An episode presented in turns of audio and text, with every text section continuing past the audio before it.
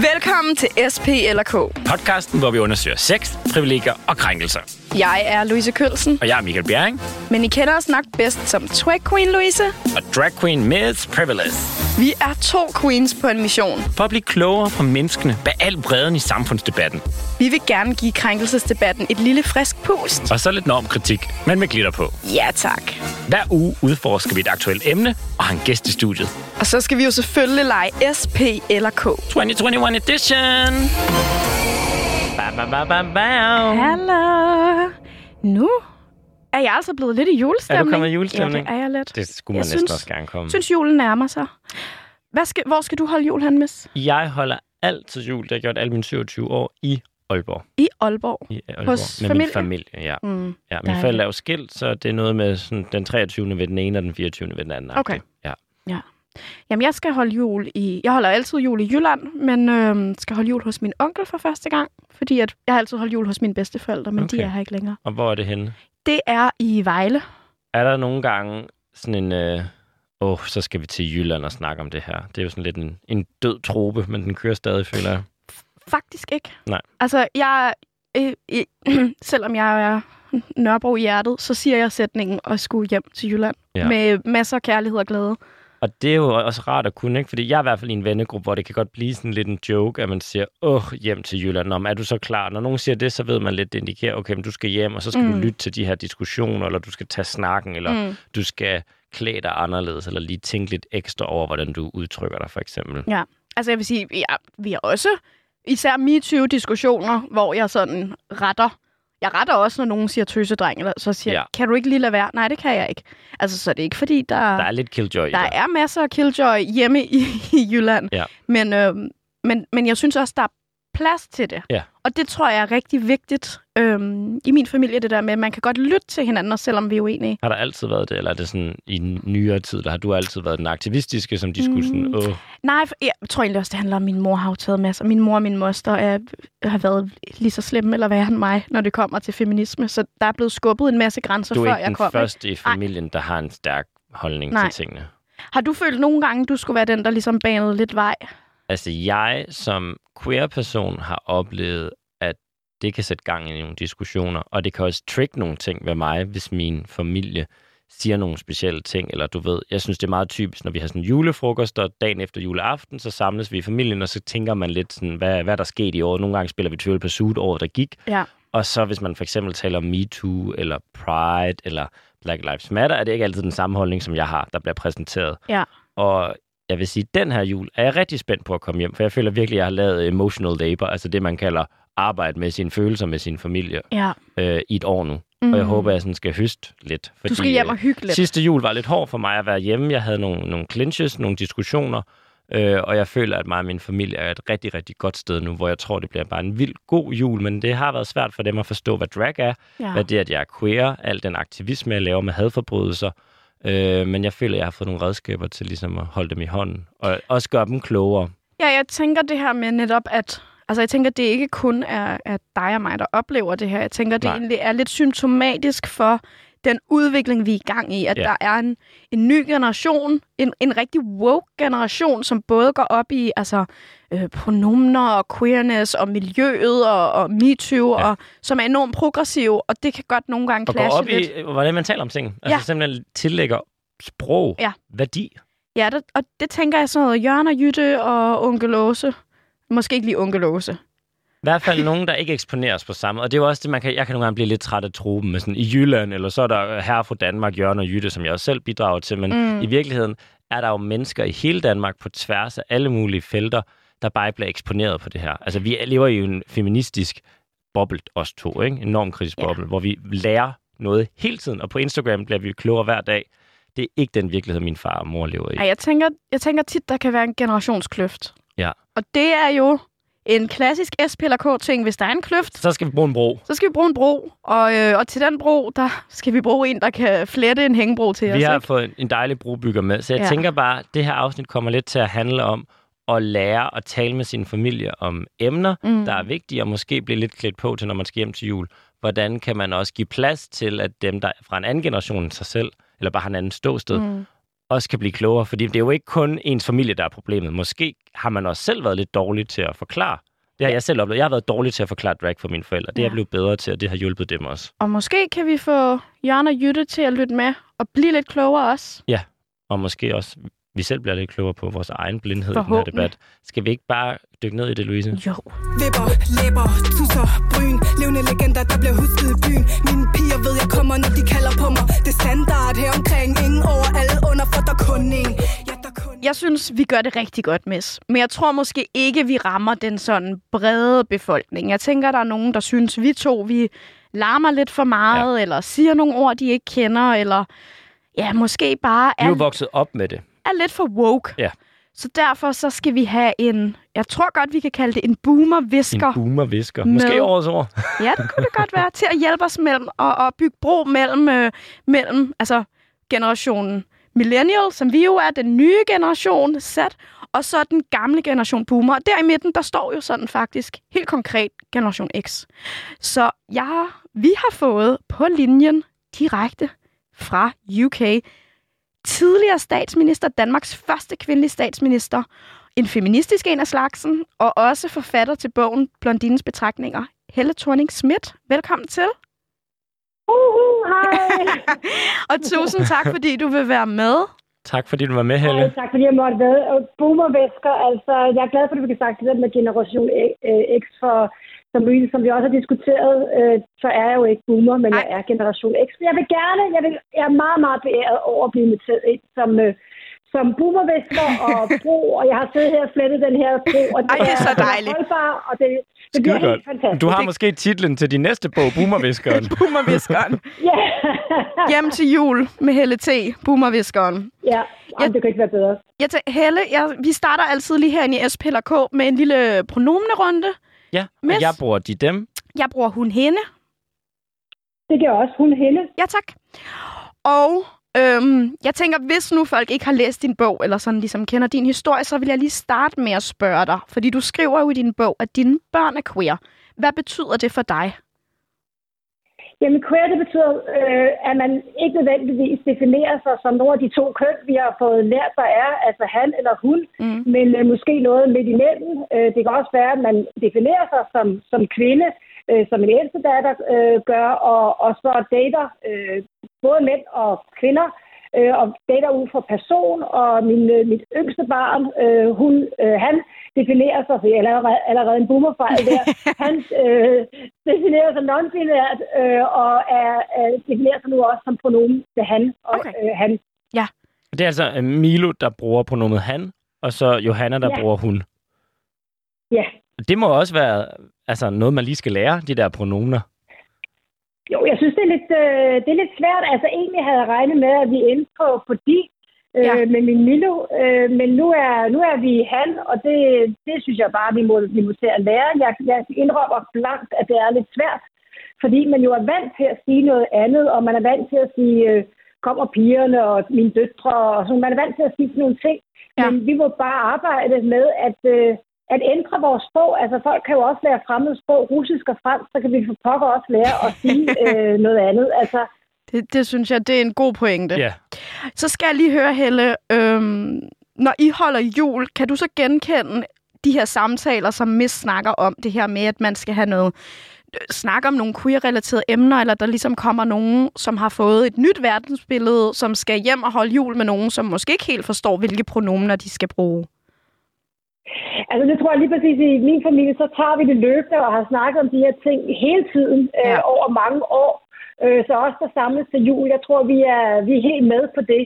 Og jeg, tror faktisk ikke, vi orker de diskussioner som juleaften og alt det her. Nej. Fordi vi har haft så meget, altså, og der har været navneskift, og der har været ting og sager. Så jeg synes egentlig, vi kommer, kommer igennem det løbende, men jeg kan sagtens altså, se for mig de der julesammenkomster, også måske i en lidt større familie, som man ikke Mm. ser så tit, hvor, hvor de så skal en pronomen, for eksempel, eller navn, eller forstå drag, som, som også kan være en svær ting. Mm. Altså, det er jo noget, folk lige skal vende sig til, og vi elsker og bliver mest trygge, hvis vi kan putte ting i kasser. Mm. Øh, og det er også derfor, vi kan sådan set godt sagtens leve med, hvis nogen skifter køn helt.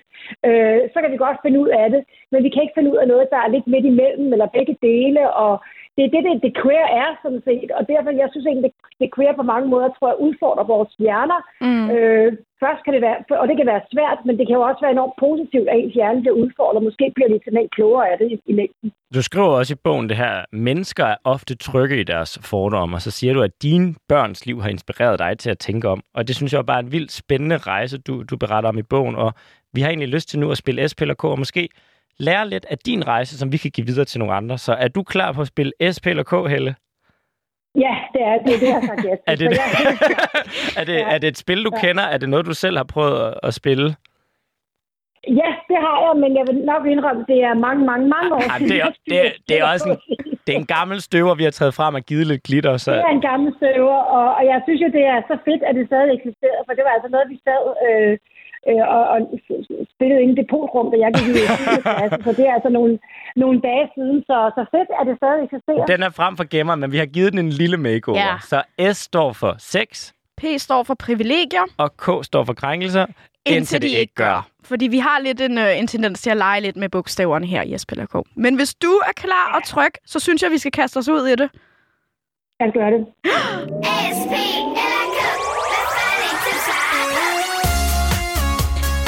Åh, oh, jeg elsker altså bare den her sang. Den er dejlig. Det er den.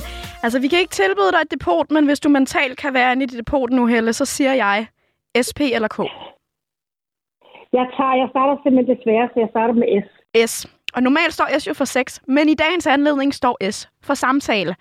Fordi, hvordan åbner den nye woke-generation bedst muligt samtalen op med de ældre generationer, sådan, så de faktisk bliver hørt, og de ikke ligesom bliver mødt med, det er noget pjat, eller, eller det er lidt skingert, eller det er for meget. Så hvordan... Når det kommer til det her med køn ja, og pronomer. Hvordan... Øh, der må boomer whisper, whisperen jamen, i gang, ikke? Jamen, jamen, egentlig kunne jeg godt tænke mig at viske til, til boomerne. Ja at det ville være fedt, hvis vi startede samtalen. Mm. Men ikke på sådan en... Øh, og jeg synes, at den her samtale den starter sådan tit lidt, lidt dumt. Altså sådan lidt... Øh, uh, jeg forstår ingenting. Hvor man sidder rundt om et øh, aftensmadsbord eller middagsbord eller en julefrokost, hvad det nu måtte være. Så mm. åh, det er helt vildt besværligt, alle de der ting, og kan de unge bare ikke gå op i noget andet, og hvorfor skal det være så vigtigt, og altså virkelig sådan lidt an, starter lidt anklagende. Mm. Ja. Og der kan jeg godt tænke mig, at øh, min generation måske starter lidt mere nysgerrigt. Ja. Øh, og at man, ikke, at man måske også prøver at, øh, at læse lidt om tingene, eller sætte sig lidt ind i tingene, så man starter fra, ikke fra børnehaven-level hver eneste gang, men starter en lille smule mere nysgerrigt. Og det mm. gælder det samme, når man snakker MeToo eller feminisme eller krænkelse. Nogle gange så synes jeg lidt, at man tillader sig selv at starte fra et fra uvidende øh, niveau. Øh, og der synes jeg, man skal opføre sig lidt mere nysgerrigt. Så i virkeligheden vil jeg godt tage byrden lidt fra de unge ja. og lægge den over på, på den ældre generation, og de konstaterer, at der er noget, vi ikke helt forstår. Fair nok. Så diskuter det med hinanden først. Det kan I sidde og gøre ved, ved, ved boomerfrokosten først. og så derefter, men derefter gå ud og spørge nogle unge, men hvordan er det egentlig med det her? Er det, ja. noget, er det vigtigt, og hvorfor er det vigtigt? Og hvad er det med drag, og hvad, hvordan kan det være spændende? Hvordan udvikler det der, og har det været svært? Altså, nysgerrigt øh, mm. og interesseret frem for, at den unge altid skal bringe det op. Øh, fordi det stiller også den unge i sådan lidt øh, forsvarsposition øh, helt fra starten. Så jeg kunne godt tænke mig at vente om, at når man kommer hjem, så er der nogen, der spørger. Og jeg tror tit, hvis man for eksempel er optaget af drag, ja. at det vil være fedt, hvis nogen spurgte om det. Hvad er det med det der? Mm. Øh, og så er det så også vigtigt, at, at den person, man spørger, ikke bliver ked af, at man spørger, men tager det som det, det er, selvom spørgsmålet måske falder en lille smule kikset. Altså, mm. vi har også en tendens til at sige kiksede ting. øhm, så derfor kunne jeg også godt tænke mig, at så når man bliver spurgt, at man så tager det for den interesse, det ja. er. Og det er min oplevelse faktisk, at det gør de unge. Altså, de tager det for den interesse, mm. selvom vi nok kan finde på at stille spørgsmål en lille smule kikset. Og er hvordan får vi folk til at blive nysgerrige? Fordi du skriver netop i bogen, at vi er trygge i vores fordomme. Så det er jo et eller andet sted at få folk ud af en comfort zone, måske at begynde at opsøge noget, man ikke selv øh, har inden for sin egen sådan, livsfære. Hvordan får vi de her voksne mennesker til at læse et eller andet eller gøre noget inden juleaften, hvis de ved for eksempel, at deres barn går op i det her? Jamen, jeg synes, de kan bare læse min bog, fordi... Sådan! The plug-in. Øh, Der var altså julegave, årets julegave. Ja. Jamen, det er julegave, mandengave, altså you name it, det er Men det er en bog, som, som prøver egentlig at, at prøve at bygge den her bro mellem generationer, hvor man får en lejlighed til at stille nogle spørgsmål. Og derfor tror jeg, jeg, jeg mener faktisk, det er et fedt samtaleemne. Mm. Og det behøver ikke blive så konfrontatorisk. Det er et fedt samtaleemne at, at stille nogle af de her spørgsmål til, hvad, hvad er det, der sker? Hvorfor er det, man skal til at sige sine pronomener, når man laver sin underskrift på en e-mail, og som vi startede med i dag? Altså, hvad er det med det?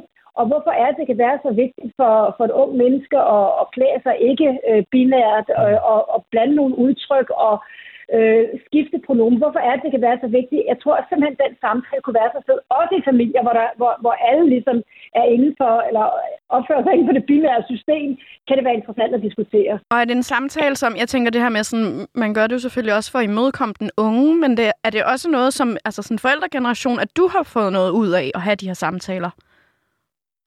Jamen, jeg synes jo, jeg har lært det tidligere. Jeg har lært det af, af mine egne børn, men også deres venner. Jeg har været så heldig at være tæt på, på mine egne børns venner og snakke med dem og har kendt dem, siden de var helt små. Der er også nogle, der har kendt børn, siden de var sådan 7 8. klasse, deres venner. Så har man en, en åben samtale om det, og de har også en tolerance over for, mm. at vi måske stiller, stiller dumme spørgsmål. Og der, der tror jeg også, man skal, man skal have plads til de dumme spørgsmål. De må ikke blive for dumme, så man lader, som man aldrig har læst en artikel om de her ting og aldrig har prøvet, aldrig har hørt en podcast som jeres.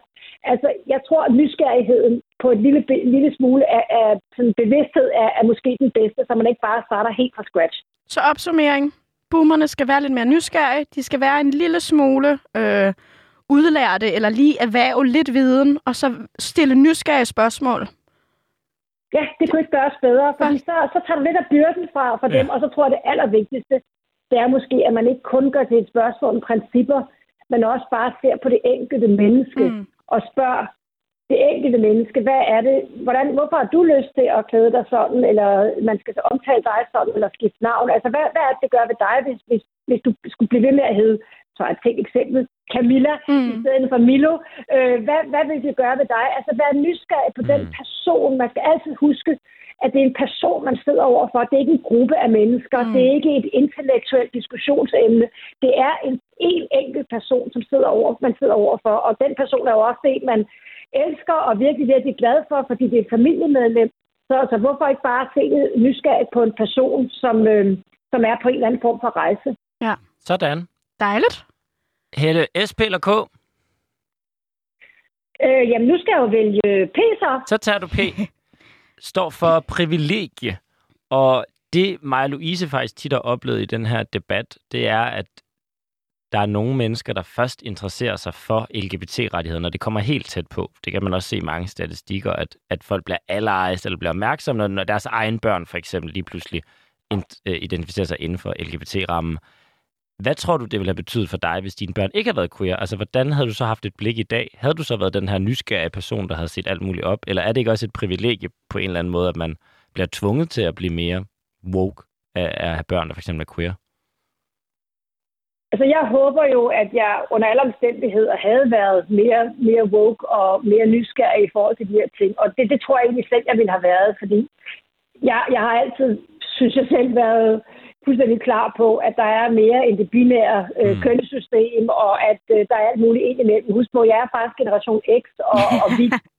altså, jamen, det var jo noget, der skete rigtig, rigtig meget i 80'erne og 90'erne, ja. det her hvor der blev skudt nogle enorme rammer, og hvor man virkelig var et gennembrud for alt det her. Man kom ind i pisserammen, som jeg gjorde i 80'erne og 90'erne, så så man jo alle slags mennesker i alt slags tøj, og mm. indenfor, altså brød rammerne totalt. Så jeg føler egentlig altid, at jeg har været tiltrukket af, af mennesker, som tør bryde rammerne, og som tør leve anderledes liv, fordi det kræver så meget mod at bryde ud af det helt almindelige. Man skal hele tiden forklare sig, man skal hele tiden stå op for sig selv, man skal mm. hele tiden være parat til nogle steder spørgsmål. Så jeg føler egentlig altid, at jeg, jeg har bakket op øh, om det, og, og ved, at det krævede noget helt særligt, uden at jeg, jeg selv lever jo ekstremt sådan, heteronormativt, øh, og, og, og, men alligevel har jeg haft blik for, hvor meget det egentlig kræver at bryde ud af det her øh, heteronormative system.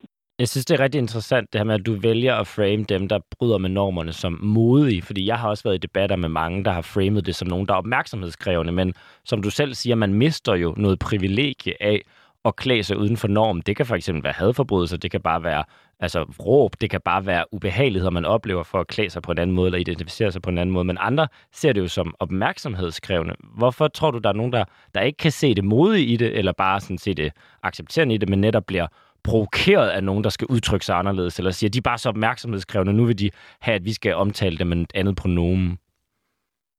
Jamen, jeg synes også, det er sådan lidt sjovt, at folk bliver så provokeret af, at nogen bryder ud. Jeg synes jo, det ville være verdens, altså absolut verdens kedeligste verden, hvis vi alle sammen altså, var i de her kasser, øh, og så sådan ud inden for rammerne, både påklædningsmæssigt, og hvad vi tænkte, og hvad vi sagde, og den måde, vi levede på. Altså, verden er jo blevet større mm. for os alle sammen ved, at der er nogen, der har brudt rammerne altid. Altså, mm. det er jo de mennesker, som har brudt rammerne, øh, også de binære rammer for alt muligt, som på en eller anden måde har gjort verden større. Og min verden er blevet bedre af, at der er nogen tidligere end mig, som har brudt rammerne, og jeres verden er blevet bedre af, at nogle andre har brudt rammerne. Så jeg synes egentlig, det er det, der gør os klogere og mm. udvikler os som mennesker, og, og derfor kan jeg slet ikke forestille mig en verden, hvor, hvor ingen gør det. Så jeg er lidt taknemmelig over, at The Queer findes.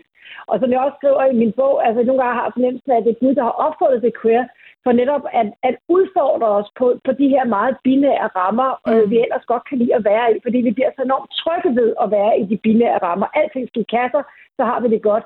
Så nej, jeg opfatter det klart som modigt. Altså, jeg, jeg kan huske en gang i en, i en partiforening, der var en, der af og til kom i, i kjole, øh, og, og havde et par ryg på og sådan noget. Og nogle gange var det en, altså var det en han, der kom, og nogle gange var, var det, havde han så, øh, var det så en kvinde, der kom og havde også et andet navn.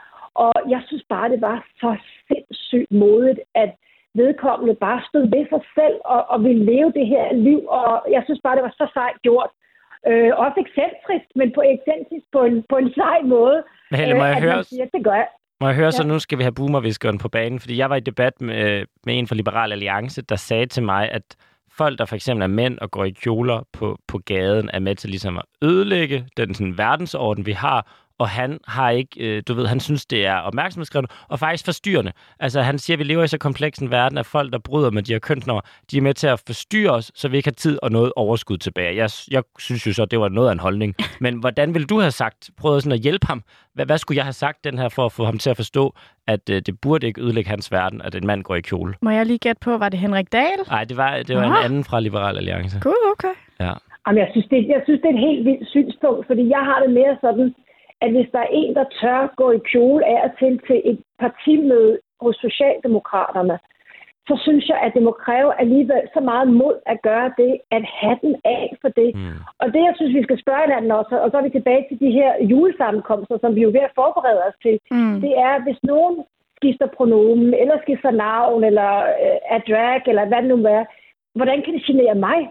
Altså, hvordan kan det overhovedet genere mig? Og jeg synes nogle gange, at de her diskussioner kommer til at handle om, hvordan vi hvide heteros, heteroseksuelle, heteronormative har det med det her. Mm. Øh, uh, det er så besværligt for os. Og hvordan kan det egentlig genere mig? Og jeg kunne godt tænke mig, jeg går meget ind for lev og lad, lad lev.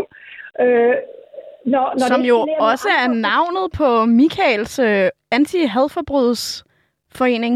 Lev og lad leve. Det, det, jamen, det vidste jeg ikke. Jeg skulle have researchet ordentligt. Det vidste jeg simpelthen ikke. Men det, det er simpelthen... Bare lad som om du vidste det, Helle.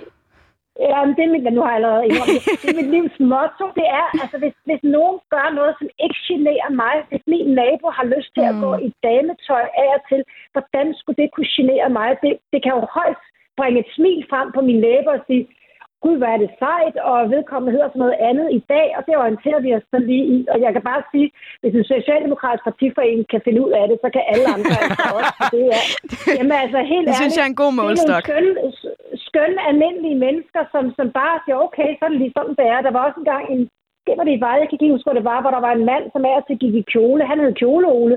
øh, og altså, jeg synes bare, at, at nogle gange kan det, det, der udfordrer os lidt, også være måske det mest spændende, øh, fordi det også kan få os til at tænke, øh, nå, sådan kan verden også være. Altså, det synes jeg bare er mest, det mest spændende verden, vi kan være i. Ja, for jeg tænker, der sidder jo statistisk set nok nogen derude, hvis onkel er Henrik Dahl, som skal, som skal snakke med ham, som jo så vil sige, at som han elsker at sige, at 99,4 procent af alle danskerne har en binær kønsforståelse, og dit den datten, og han er jo sådan en type, der elsker at sige, når, når majoriteten er på en bestemt måde, så må det være minoritetens ansvar. Og og ligesom øh, ikke nødvendigvis assimilere, men at tilpasse sig. Vi skal ikke lave kønsneutrale øh, begreber, fordi at størstedelen af os er kønnet. Hvad, hvad, hvordan, hvordan taler man med den onkel? Hvordan siger man, hey, prøv nu at høre, prøv at komme over på min side af, af den her kløft, her er meget federe. Jamen for det første, så synes jeg ikke altid, det er sådan, at majoriteten bare skal bestemme, og minoriteten skal indrette sig. Jeg synes jo faktisk, i et samfund, som er baseret på menneskerettigheder og demokrati, så er det jo faktisk sådan, at majoriteten også skal tage hensyn til minoriteten. Mm. Så, så det, det synes jeg principielt er sådan, at det er ikke sådan, at øh, i demokrati, så jorder majoriteten bare minoriteten. Faktisk er det en beskyttelse af minoriteten. Så jeg synes, vi har en forpligtelse til at beskytte mindretallet. Det er det mm. ene. Det andet er, at jeg tror simpelthen ikke, at, at alle mennesker er så binære, som de selv går og tror. Og det er jo rigtig, rigtig tit, man hører om nogen, som har levet det helt rigtige liv, og altid gået rigtig klædt, og altid kaldt sig han og det rigtige navn. Og så inde bag, øh, det, inde bag lås og slå, så har de en eller anden form for, for nogle andre lyster, eller noget, der skal leves ud. Og det, jeg synes er, er virkelig trist at tænke på, det er, hvis, hvis mennesker skal leve i skjul, og ikke mm. bare kan stå ved, hvem de er, Øh, og det gælder jo alle ting, medmindre det er kriminelt eller generer andre mennesker. Mm. Hvorfor skal folk så egentlig leve i skjul? Og kunne det ikke være sjovere, hvis vi alle, og federe for den enkelte, hvis de kunne leve det liv, de gerne vil? Altså, så du tror egentlig, der er noget mere queerness i folk, end hvad de lige går og giver udtryk for? Helt sikkert. Jeg tror, at hvis vi, hvis vi ikke blev opdraget med alle de her binære kasser, så ville vi være langt mere flydende, end vi egentlig øh, er. Altså selvfølgelig tror jeg på, at der er, der er to køn, øh, som man ligesom bliver født med. Jeg ved godt, det kan være kontroversielt at sige i visse kredse, men jeg tror, vi er langt mere, mindre binære, end vi sådan går og, mm. og lever, øh, fordi vi har ligesom fået præsenteret to kasser, og det er mest komfortabelt at være i de to kasser, og der hopper jeg ned i, i en af dem. Mm. Øh, men jeg synes, at det andet det er spændende. Og jeg synes, igen derhjemme til familiefrokosten, der er også noget med, man kan godt leve med ting, som man ikke fuldstændig forstår. Ja. Altså jeg tror også i starten, hvor vi begynder at acceptere, eller hvor man sådan bredt begynder at acceptere homoseksualitet, der var der rigtig, rigtig mange, som, som øh, ikke rigtig forstod det. det. Det gør man måske stadig ikke, men man, man behøver ikke forstå, at, at jamen, sådan er det bare. Mm. Altså, jeg behøver ikke forstå alting for at acceptere det, og det tror jeg er rigtig vigtigt, man skal, at man prøver at huske på. Du, du taler også om det her med at beskytte mindretal, og vi har faktisk fået et spørgsmål fra en af vores lytter, der hedder Katrine von Mack, der også spørger, om du ville have gjort noget anderledes, eller i hvert fald, hvis du var i regeringen i dag, ville gøre noget i forhold til det her. For du er jo selvfølgelig ikke kun mor og forældre, du er jo også øh, politiker, eller har et politisk øh, fokus. Er der noget, man kan gøre for at, og, og ikke at bare snakke om det til julefrokosten, men også en mere politisk sikre rettigheder og beskyttelse?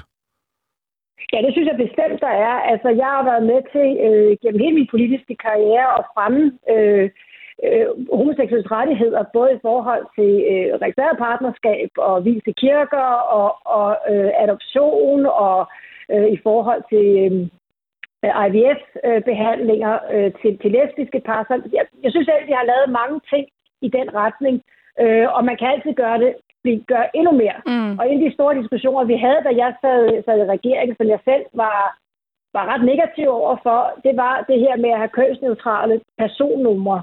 Øh, men det kan da godt være, at det kommer. Jeg tror simpelthen, at tiden var moden til det dengang, og jeg var sådan set, åh nej, skal vi nu derhen?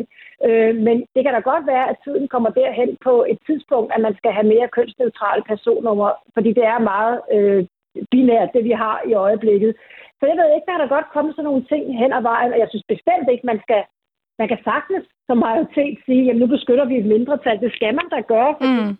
altså, homoseksuelle ægteskaber, det var der også at give rettigheder til en minoritet, en minoritet, som man ikke havde behøvet at gøre, men selvfølgelig skal man gøre det er til. Ja, for der er jo det der med netop, hvad mister jeg? Det kan man både sige i sin, sit ja. eget liv, men man kan også sige det med, med, med CPR-nummer, at øh, mm. det vil betyde noget for nogen, uden at det måske tager noget fra andre. Lige præcis. Og der skal man selvfølgelig afveje, er det sådan noget, der sådan springer det hele i luften, øh, eller er det noget, som man, som man godt kan lære at leve med? Og vi har jo lært at leve med så mange ting. Altså noget, der jeg synes er fedest i den tid, vi lever i nu, det er, at vi kan se, hvor meget vi egentlig har udviklet os. Mm. For 20 år siden, der var, det ikke, der var det ikke alle mennesker, hvor man bare kunne komme hjem og sige, jeg er homoseksuel, jeg har fået en øh, mand eller en kvinde som kæreste. Øh, det kan man selvfølgelig heller ikke i mange familier men det er langt, langt mere udbredt nu, at man fuldstændig som helt ung, 13-14-årig, kan, kan sige til sine forældre, jeg tror, jeg interesserer mig for det samme køn som mig selv, eller jeg måske ikke er helt sikker, eller hvad mm. det nu mm. måtte være. der er den samtale er meget, meget nemmere nu, end den var for bare 10 og 20 år siden. Så det fede, det er, at vi har den her samtale, og at vi taler om privilegier, ja. og taler om det heteronormative samfund, og at, at så mange gerne vil være med i samtalen, og vi gerne vil lære noget nyt og udvikle os. Så det synes jeg, man skal også være glad for. Det kan vi godt fejre lidt i dag. Det kan vi også. Skud ud. Ja, det synes jeg. Skud ud ja. til det, til Og den, der- vi har lært. Skud ud til det. Og så vil jeg så også sige det der med, med hjem til Jylland. Nu skal I begge to hjem til Jylland. Det skal, det skal jeg ikke. Jeg skal være i København. Men jeg tror ikke på hele det der billede med, at, at over i Jylland, så sidder der en hel masse mennesker, som ikke gider at snakke om de her ting. Altså jeres familie er jo også dejlige, søde mennesker, som gerne vil være åbne. Og jeg har rejst over hele landet. Mm. Og jeg har mødt så mange mennesker, som er interesseret i de her ting. Og jeg tror faktisk, man bliver overrasket over, selv i måske lidt mere konservative hjem, eller hvor man tænker anderledes, så har man også bare sige, ja herre Gud, altså, det tror jeg, man kunne finde i rigtig mange hjem, også i, i Jylland, så man, hvor man egentlig ikke lige vil regne med det. Så noget med ud og møde mennesker, så finder man... Måske turde også have en forventning til, at, at nogen vil gå op i det her. Ja, måske. Eller være lyt. Ja, men også tur, jeg turde have en forventning til, at folk ikke er så, så gammeldags og Mm. konservative, som man nogle gange tillægger dem. Så er møde med åben sind. Møde med åben sind, ja. Ja. Helle, vil du have et øh, SP eller K? Det sidste? Men det, det, det er jeg nødt til. Jeg er nødt til at have mit K, jo. Jamen, det er du, og det øh, står jo normalt for krænkelser, men øh, du må bære over med mig, men K står for queer. Det er ikke godkendt af dansk land her, men Det, altså, altså, sådan går dansk det. lærer har ikke fået lov til at godkende det, men det var mig, der bestemte det. Og det er, fordi jeg har fået et spørgsmål fra en af mine følgere, som hedder Panda Amryen, Ryen, som spørger, hvad vil du gerne have vidst på forhånd som forældre til queerbørn? Øh, jamen, altså jeg har sagt mange mærkelige ting. Altså jeg har forsøgt hele mit liv at få, få Milo, når hun gik til at lade være at gå med fødderne ud af og gå med lige fødder. Øh, for det synes jeg, man skal gøre, øh, hvis man er en fin pige. Og jeg synes Mm. simpelthen, det er så latterligt, øh, at jeg har forsøgt sådan noget. Øh, jeg kæmpede en brav kamp med vores yngste, Joha- øh, ældste Johanna, for at få hende til at tage en brudekjole på øh, til et bryllup, da hun var, øh, jeg tror, hun var 4-5 år. Ja. Og hun ville bare ikke. Altså, hun ville bare ikke. Og der ville jeg da ønske, at jeg bare havde sagt, om det er da også ligegyldigt med den brudekjole. Du vi kan da bare finde et par flotte brudeperson bukser og tage ja. på. Øh, så der er der mange af de ting, som jeg synes, jeg synes også, jeg har kæmpet nogle kampe for, øh, for, for dem. Øh, for eksempel gad de ikke tage, eller gad- han gad ikke tage Lucia-tøj på. Mm. Øh, det ville hun bare ikke. Og så, så fik jeg kæmpet frem til, at hun kunne gå i sit karate-tøj i stedet for. Det er altså Ja. meget Øh, cute og- billede, at hun er gået i en hvid karate-uniform her i december i Lucia. Ja. Men hvorfor Ja. betød det egentlig noget for dig? Altså, måske kan du sætte ord på det, mange forældre går, men hvorfor er det, man betyder? Det, fordi det betyder måske noget, at ens barn også bare passer ind nogle gange og går i det samme tøj som de andre, og lige bare går i det der optog. Eller hvad? Ja, det, det betyder, det, det betød måske lidt. Jeg troede, det sådan skulle være, men, men så viste det sig jo, altså, og hun var simpelthen for sted, og gad bare ikke, og hun var ret lille, altså hun var ret lille, og ville bare ikke i det der øh, Mm. Lucia-optog med sådan en kjortel på. Og det måtte jeg jo bare respektere, og jeg synes også, det var, jeg synes også, det var lidt fedt altså, at se ude, udefra, hvor stedig hun, Mm. hun var. Ja. Øh, at hun ville bare ikke have det der tøj på, og så nåede vi frem til det der kompromis med karate-tøj. Jeg måtte jo helt op til skolelederen og spørge, om det var okay. Altså, det var jo vanvittigt.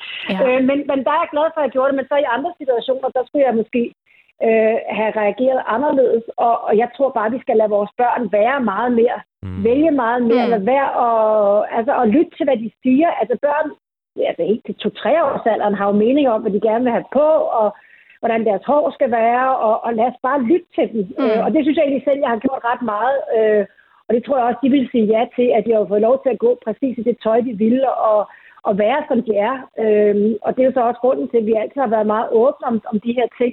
Men igen, lad være at sætte din egen, hvad der ser pænt ud over, hvad børnene gerne vil, øh, og hvad der ligesom er det, det korrekte at gøre i situationen. Det tror jeg, vi alle sammen skal gøre, også som forældre til små børn. Så giv børn ligegyldigt, noget selvstændighed. brudekjole på. Ja, og hvis de ikke har den brudekjole på til det åndssvage bryllup, så er det jo egentlig bare fedt, at de har deres egen vilje. Ja. Og, og belønne vilje, og belønne, at de har holdninger, mm. og de har agens, øh, og, og faktisk synes, at deres holdninger tæller. Mm. Vi skal jo egentlig sætte pris på, at vores holdninger til, Mm. af børnenes holdninger, når de er fire år, så tænker de, at mine holdninger, de tæller lige så meget som alle mulige andre. Det er jo ret fedt at tænke på. Ja. Ja, så mere ligesom agens til børn. Lad, lad dem være individer, og lad være med at putte dem ned i kasser. Det kan vi også Lad være skrive. at putte børnene ned i kasser. Ja. Ja. Og det ved jeg ikke, om jeg passer med queer, men queer er jo med, at man ikke skal være i kasser. Man har lov til at bryde ud. Øh, og man ser det charmerende ved os at bryde ud af, af de her forskellige kasser. Jeg tror egentlig, at folk har en meget komfortabel med, at nogen kan være øh, bøsser og lesbiske. Det har vi ligesom lært at leve med. Nu skal vi i næste skridt i vores sådan, mentale udviklingstrin, som er, at der er en masse midt imellem, mm. og at folk ikke går hele vejen, når de for eksempel er i transition, at tingene kan gå frem og tilbage. Vi skal lære noget nyt, Ja. og vi skal lære lige så meget nyt, som vi gjorde for, for de 20 år siden. Og vi er sådan et paradigmeskifte, og det er egentlig et privilegie at få lov til at være med i et paradigmeskifte og prøve at hænge med og forstå så meget, man kan.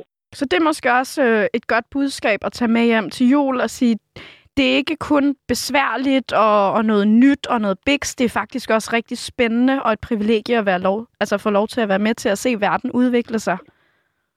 Det synes jeg, og så lad være, altså vi har virkelig en tendens til, til, til, til at handle om os selv, hvor svært vi selv synes, det er. Altså da Black Lives Matter kørte, der var det også lige pludselig, at det skulle handle om os selv, hvordan vi selv synes om visse talspersoner, hvordan vi selv havde det med det.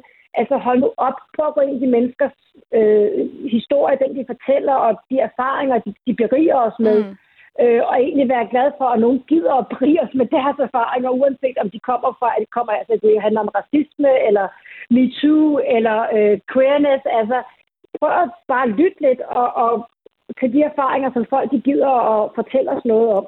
Men er det fordi, at man også lidt prikker til ens egen forældres forfængelighed eller selvbillede? Altså, jeg har i hvert fald fået at vide af mine forældre, som jeg synes har været lidt hårdt, at det også nogle gange har været svært med mig, fordi jeg ligesom laver drag og er queer og er medierne og laver aktivisme, at det har de også skulle rumme, hvor jeg tænkte, kunne det ikke være mega fedt at være stolt af det, jeg lavede, men, men det har ligesom været en, en rejse, så det er også, når ens børn ligesom bryder med normen, så bliver man bange for, hvad ens venner synes, om man, om man har været en dårlig forælder, så fordi de bryder ramme. Eller, altså, hvordan får vi det netop ikke til at handle om forældrenes eget selvbillede, men børnenes Jeg velvære? synes, men jeg synes også, det er meget cute. Nu har vi snakket måske, måske lidt meget ud på, på, på boomerne. Jeg synes også, det er meget cute, at dine forældre de siger, egentlig er det også lidt svært for os, fordi vi kunne bare, måske godt bare tænke os, at du var sådan lidt mere som alle de andre Ja. øhm, sønner på, på vejen, øh, og kom hjem til jul, og, og ikke havde helt det der, det der show, du kører over i København. Mm. Altså, jeg, kan, jeg synes også, det er meget sødt, at ens forældre måske indrømmer, at det også kan være svært, fordi de også bliver set på udefra andre. Ja. Og det må man også respektere, at, øh, at det måske godt kan være svært. Jeg er sikker på, at de er stolte af dig, men øh, der, man kan godt have to slags følelser inde i sin egen krop. Mm. Altså, det kan man jo godt.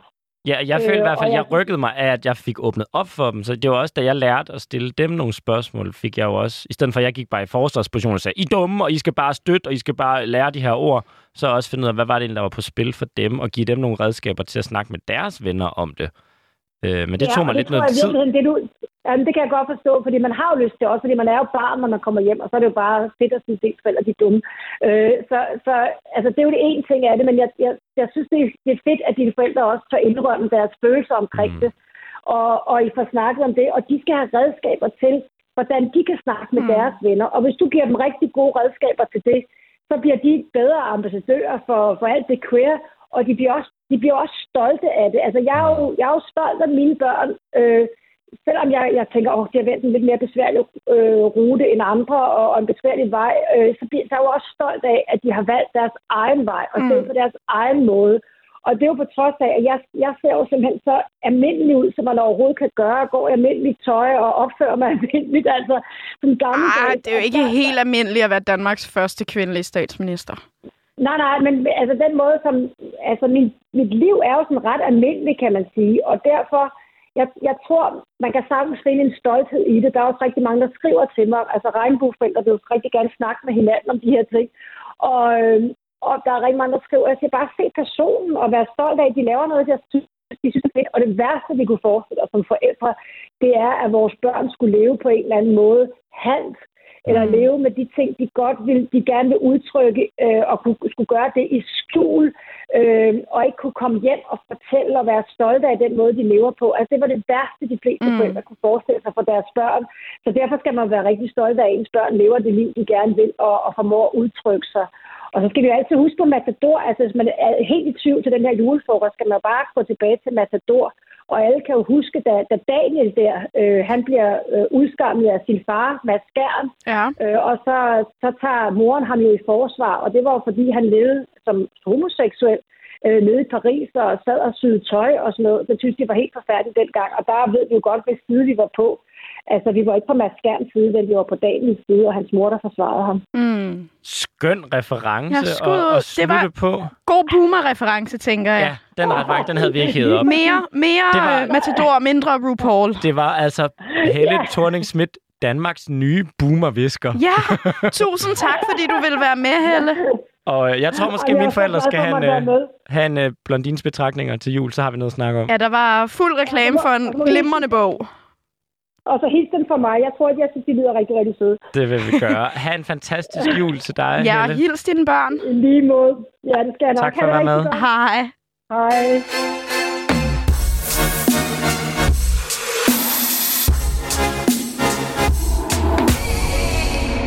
Det er altså lidt hyggeligt at have en gæst, hvor man sådan bliver meget opløftet ja. af at tale med personen. Det er jo Ja. ikke sådan, det altid har været.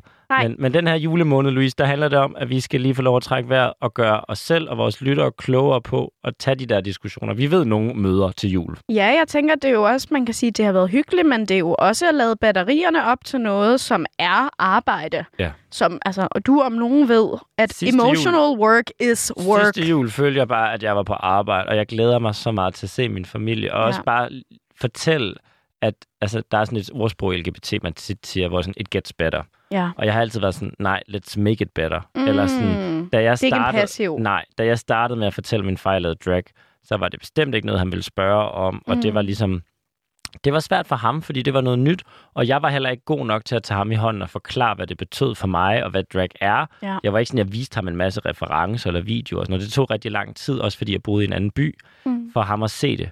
Men nu møder han bare op til mine shows Åh. af sig selv, tager sine venner med. Skud ud til Han, Daddy O. han deler det, og jeg lavede et, øh, et, et LGBT-vælgermøde her i november måned i Aalborg, hvor han også bare sådan, det vil jeg altså også gerne lige komme til, og han endte med at stemme på den kandidat, han synes havde den bedste LGBT-politik Ej, også okay, i Aalborg. Så du ved, måske kan det være svært at sidde som queer og se sine forældre ikke have det sprog eller den mm. viden, man har. Men man skal også huske, man har også selv været på en rejse. Jeg har jo også været Ja. på en rejse i at blive mere normkritisk og accepterende ja. over for mig selv ja. og andres queer-identiteter. Så det vigtigste er, at man føler, at forældrene er med på rejsen, uanset hvorhen de er. Ja, jeg synes også, altså som Helle sagde det her med, at det er jo ikke bare et debatemne, det er ikke en politisk diskussion. Nej. Det her, det handler om mennesker. Så selvfølgelig er det jo også, der er noget andet på spil, når man lige pludselig snakker om en selv. Ja. Og det at blive accepteret og føle sig elsket af sine forældre. Ja. Og det synes jeg også bare var dejligt at blive sagt, at det vigtigste for forældre, det er jo deres kærlighed til deres børn. Ja. Og, og det skal man måske skal, holde fast i. Ja, i så skal man måske lige tilbage til den kærlighed, for så at tale ud fra den Ja. i, i samtalen. Så ikke? man også siger ved julefrokosten, hey, når I siger det her, så handler det ikke om, at jeg har sådan en... Jeg læser en bachelor i køn-teori, og jeg har brug for, at vi alle sammen har den her holdning. Ja. Så handler det faktisk om, at det er min ven, Ja. jeg tænker på, når I siger det her. Eller Ja. det er mig, Ja. I faktisk taler om, Ja. og ikke taler med. Ja. Øhm, jeg tror, jeg vil ønske, vi ikke som queer-personer skulle udlevere vores egne traumer, men Mm. jeg ved bare, at det virker. Det er derfor, vi har lavet en bog med tusind eksempler på Mm. hadelever eller leve, som Helle måske bliver ny ambassadør for. Det kan være, du lige skal sende Øh, hende en jeg bog skal i lige sende julegave. hende en bog. Ja, vi kan lige bytte bytte. Ja. Øhm, fordi det virker bare at gøre det personligt. Og det Ja. er jo ikke, fordi jeg vil opfordre folk til at dele deres traumer til julefrokosten. Men måske så kan man hive bogen frem, eller se en video med sine Mm. forældre, eller preppe ind julefrokost. Bare sige, hey, jeg ved, vi før han har haft svære debatter, når vi har siddet her sammen. Ja. Vil I ikke være opmærksom på det? Fordi det er jo også den eksempel, hun giver fra Matador, hvor moren Ja. er ally. Vi skal have nogle allies. Vi skal også have nogen, der tager debatten på andres vegne og gør det nemmere. en kusine eller en fætter og Ja. sige, jeg gad godt, det ikke var mig alene, der skulle overbevise min onkel om det Ja. her. Det synes jeg var en, øh, en god lille guide. Vi håber selvfølgelig, at øh, I får en, øh, en fantastisk dag i de steder, I rejser hen, eller Ja. ja. bare med jeres familie, eller valgte familie. Ja. Og så er vi altså tilbage den 24. med, Med lidt, juleafsnit. Et lille, der skal lige lidt mere glitter til, Vi ikke? kan sagtens jule mere. Det kan vi da i hvert fald. Men øh, det var sgu... Øh, jeg, jeg føler, jeg blev klogere og så blev et spejl op Der fra blev boomervæsket, og jeg Det kunne var- lide det. visker, visker. Jeg skal boomer, boomer. Eller lykke derude. Hej, hej, god.